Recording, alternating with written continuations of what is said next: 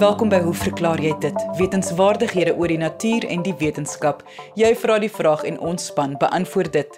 My naam is Lise Swart en ons paneelkenners vandag is herpetoloog professor Lefras Meton, entomoloog professor Henk Geertsema en fisikus Dr Christine Steenkamp. As jy 'n vraag het, stuur jou e-pos na lise, dit is L I S E by rsg.co.za. Onthou jy mag onder 'n skuilnaam skryf of vra om anoniem te bly. Die eerste vraag van die dag word gevra deur Serita Ribeiro en beantwoord deur herpetoloog professor Lefras Meton. Serita skryf: Die casino in Vanderbijlpark het 'n mooi reservaat met diere. Enige besoeker kan in die reservaat gaan stap en daar is dan ook heelwat mense in die middag en oor naweke wat met hul honde of kinders gaan stap of fietsry. My swaar het onlangs hierdie foto's van 'n slangetjie omtrent 20 na 25 cm lank geneem terwyl hy vroegoggend in die reservaat gestap het. Kan die spankundiges dalk die slangetjie identifiseer en bietjie meer omtrent hom vertel? Vir die luisteraars. Indien jy die foto's wil sien wat Sereta vir ons bygesit het, kan jy gaan kyk op RSG se webwerf by rsg.co.za. So professor Meton, vertel ons meer van hierdie slangetjie. Lise, toe ek nou die eerste keer na hierdie foto's kyk, toe sê ek nou iets wat uit die veld geslaan want ek het nou 'n slang verwag. En toe sê ek nou eintlik aangenaam verras toe ek agterkom dat dit is een van die vrylewende platwurms, die hamerkop platwurm Bipalium kiwense. Nou ek gebruik die woord vrylewend want baie ander lede van die van hierdie groep, dit is die Phylum Platyhelminthes, die platwurms, baie van die ander is parasiete. My mense onderskei dan nou die parasitiese forme van die vrylewende forme wat nou nie parasiete is nie. Nou ek wil sommer net so noem dat uh, ek dink baie van die luisteraars uh ken platwurms. Die die bekende lintworm. Dit is een van die platwurms. En dan ook die lewerbot. Die plaasboere sal weet die parasiete van skape en en beeste. Uh dit is ook dan nou een van hierdie platwurms. Nou ons moet seker dan nou maar eers net vinnig 'n bietjie 'n beskrywing gee vir die luisteraars hoe hierdie uh platwurm dan nou lyk. Uh, Bipalium kiwense hy is dorsoventraal afgeplat van bo na onder afgeplat. So hulle is uh, die hele groep is so dan dit is waar die naam platwurm dan nou vandaan kom. So 20 cm lank maar sekerlik die uitstaande kenmerk is hierdie halfmaanvormige kop die kante van die kop staan ver uit en dan is daar nou 'n dun nekkie baie en aardige kop en dan na agter word die word die lyf nou dikker en daar's so vyf uh, lengteverlopende strepe. Nou hierdie vrylewende platwurm, die hamerkop platwurm is kosmopolitaans in sy verspreiding, maar die mense vermoed dat dit oorspronklik van Suidoos-Asië kom en dat dit nou maar met die met die plantbedryf, die potplante en goed dan nou wêreldwyd uh versprei het. Nou hulle habitat wat hulle van hou is klam en donker plekke soos onder boomstompe, onder dooie plantmateriaal, bosse, maar een ding is belangrik, hoë humiditeit, want dit is nodig vir hul oorlewing. Hulle is nagaktief en dan baie interessant, hulle is hoofsaaklik predatore van aardwurms en hulle kan baie skade aanrig aan aan 'n aardwurm uh, populasie. So as jy baie aardwurms in die tuin het en jy het van hierdie wurms, dan kan jy probleme verwag. Nog 'n interessante feit van van hierdie platwurm is dat hy is giftig. Hy het die gif tetrodotoxin. Dit is 'n sineweegif wat verlamming veroorsaak en hy's dan nou uh, een van slegs 'n paar ongewerveldes wat hierdie gif het. En hy gebruik die gif om natuurlik om sy prooi, uh, dis nou die aardwurms uh, onder bedwang te bring en gebruik dit ook as beskerming teen vyande. Hy lyk nou soos 'n slangetjie en mens wonder dan hoe beweeg hulle. Nou onder op die ventrale oppervlak, die onderste oppervlak, is daar 'n uh, klomp filamentjies. Ons praat van cilia en daar word ook baie slijm afgeskei. Die slijm uh, smeer en dit die oppervlak en hierdie cilia laat hom dan nou wat nou beweeg word, uh, laat hom dan nou vorentoe gaan en dan laat hy ook nou so 'n slijmspoor agter, net soos wat wat slakke ook ma maak. Hierdie vrylewende platwurms in die algemeen, hulle het baie interessante uh, anatomie. Die mond sit nie voor aan die punt van die kop nie. Die mond sit so in die middel van die lyf op die onderste, die ventrale, op die maag onderflap, onderkant. Dan is daar so uitstilbare keel of praat van 'n farings, 'n deel van die mond wat nou nou so uitgestil word en ons sal later 'n bietjie daaroor praat hoekom dit so is en dan lei die mond nou na 'n blind eindigende gastrovaskulêre holte. Ek gaan nou verduidelik wat dit is. En hierdie holte dien vir vertering, dit is die gastrodeel en ook vir die verspreiding van voedsel deur die hele lyf. So hierdie hele holte is baie vertak en klein takkies wat oral in die lyf strek. Daar is geen bloedstelsel nie ook geen respiratoriese of asemhalingsstelsel nie. Gaswisseling en ook die verspreiding van voedingsstowwe geskied deur diffusie. Nou diffusie is mos die beweging van molekules van hoë konsentrasie na 'n area van lae konsentrasie. Ek dink die luisteraars sal seker dan nou dadelik besef hoekom die lyf so afgeplat is van hierdie wurms. Want die afstand, die diffusie afstand moet so klein as moontlik gehou word want diffusie is mos maar hoe kan ek sê is 'n stadige proses en dit kan nou nie te lank neem vir gaswisseling en uh die verspreiding van voedsel om om plaas te vind nie. Dan interessant, daar's geen anus nie. Dit is hoekom ek dan nog gesê dit is 'n blind eindigende holte. Al die verteringsreste word dan nou maar weer deur die mond ook uitgeskei. Wanneer hulle nou 'n aardworm aan die hande opspoor met hulle chemoreseptore, dan druk hulle die aardworm vas, skei dan nou die slijm af wat ook gif bevat, stilp hierdie farings of keelgedeelte uit en dit verbind met die aardworm se lyf en dan skei hulle ensieme af binne in die aardworm se lyf wat dan nou vertering begin. En soos die vertering dan nou verloop sal daar nou klein stukkies van die aardworm opgesuig word in die gastrovaskulêre holte van die platworm.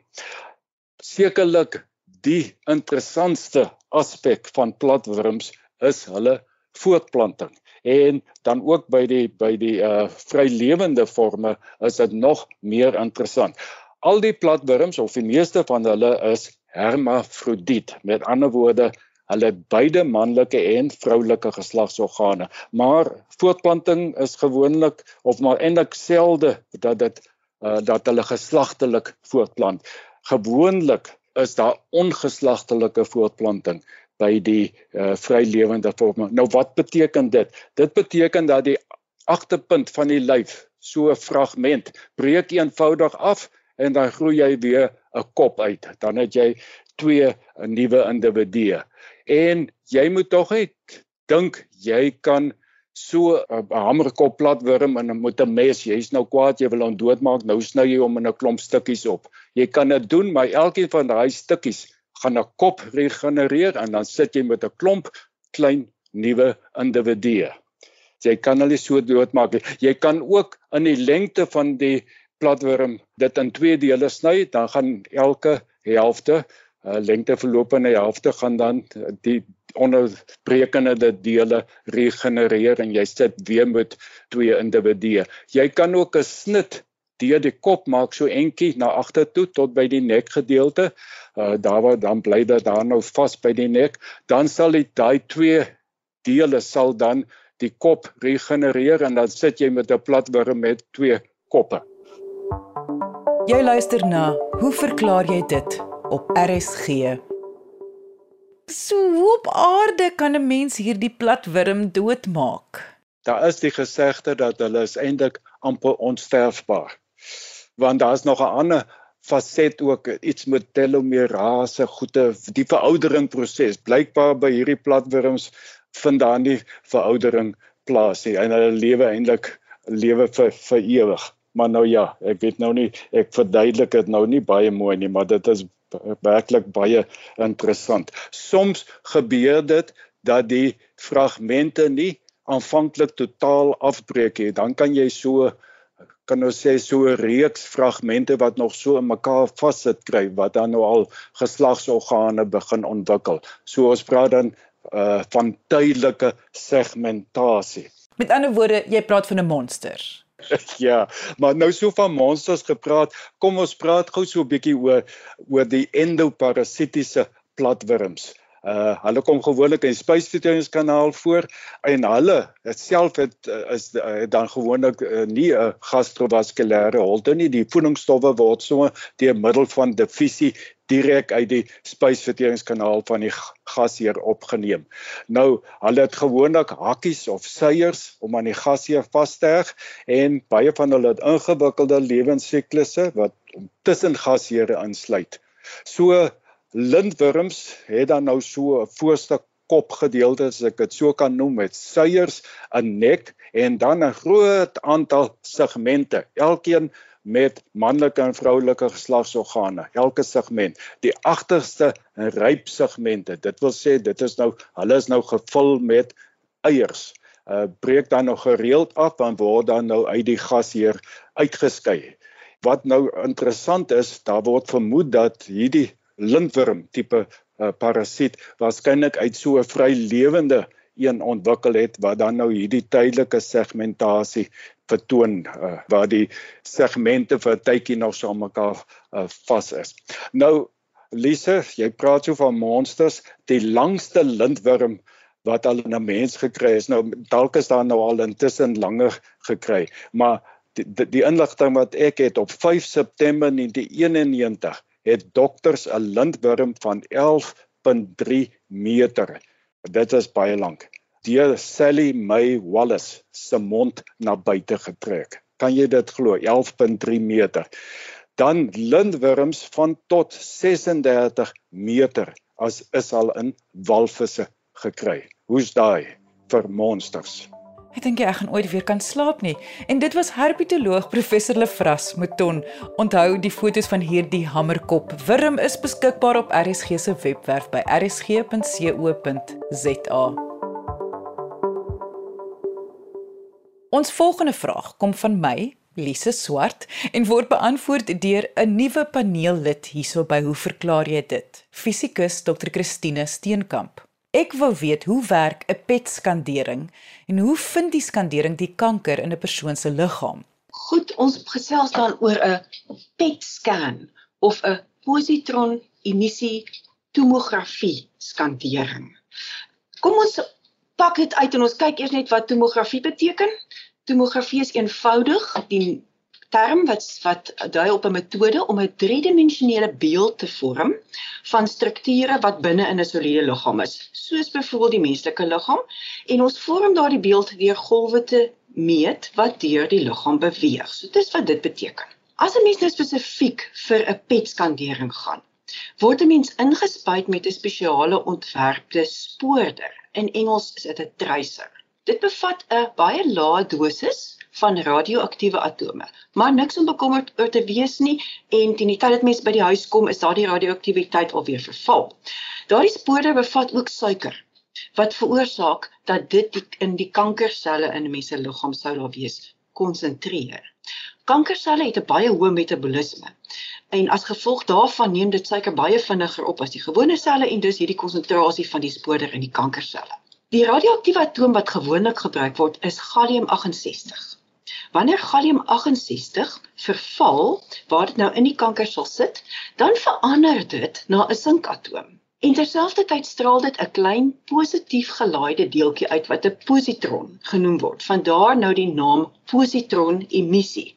Die positron reageer feitelik onmiddellik met 'n negatief gelaaide elektron in sy omgewing en in daardie reaksie vorm daar twee gamma golwe wat dan in presies teenoorgestelde rigtings wegbeweeg van daardie posisie af waar dit plaasgevind het, dus van die kankersel se posisie af.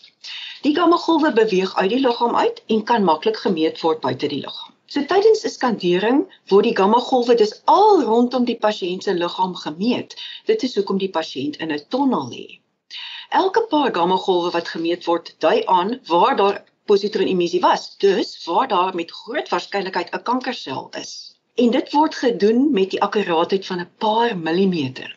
'n Rekenaar sit dus al hierdie inligting bymekaar om 'n driedimensionele beeld te vorm van waar daar kankerselle in die liggaam is. 'n Mens sal altyd met 'n PET-skandering as mens nou na die die um, resultaat kyk, sien dat daar ook 'n konsentrasie van die gallium-68 in die pasiënt se urine weg, byvoorbeeld in die blaas sal wees. Dit beteken nie dat die blaaskankerselle bevat noodwendig nie, maar natuurlik net dat die liggaam soos normaalweg besig is om stowwe wat in oormaat in die bloed is uit te skei, onder andere ook die gallium. Die gallium-68 um het ons gesê is radioaktief. Sy halfleeftyd is 68 minute. Dus na 68 minute is net die helfte van daardie gallium nog oor. Na ongeveer 2 ure net 'n kwart ensovoorts, dus hulle sê na ongeveer 6 ure na die inspuiting is daardie radioaktiwiteit vir praktiese doeleindes weg en die galliumatome het alles verander na sinkatome wat nie radioaktief is nie. Die sink is nie nadelig vir die liggaam nie en sal dan eenvoudig soos normaalweg uitgeskei word die dosis radioaktiewe straling waaraan 'n mens blootgestel word in 'n uh, PET PET scan, um daar is 'n dosis. Dit is relatief laag.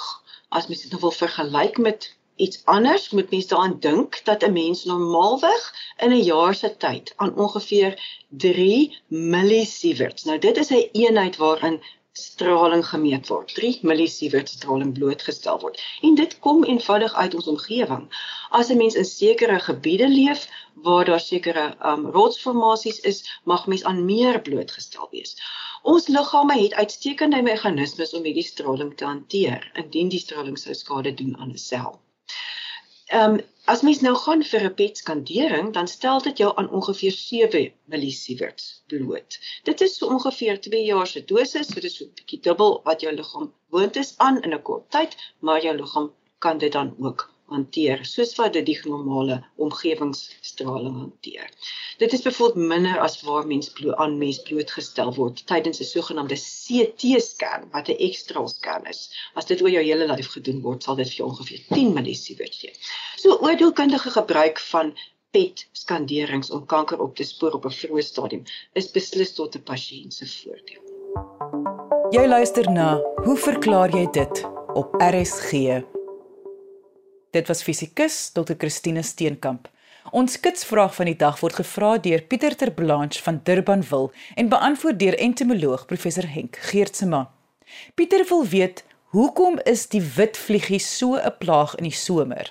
Hy plant groente in sy tuin regdeur die jaar, maar sukkel in Desember en Januarie om tomaties en groenboontjies te oes vanweë groot getalle wit vliegies wat soos 'n wolk uit sy aanplantings te voorskyn kom. Dag sê Elise en luisteraars.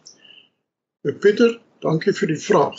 In die eerste plek skryf hy vanuit die Weskaap met sy droë en warm somerweer wat die vernaamste rede is vir die plaaslike probleem.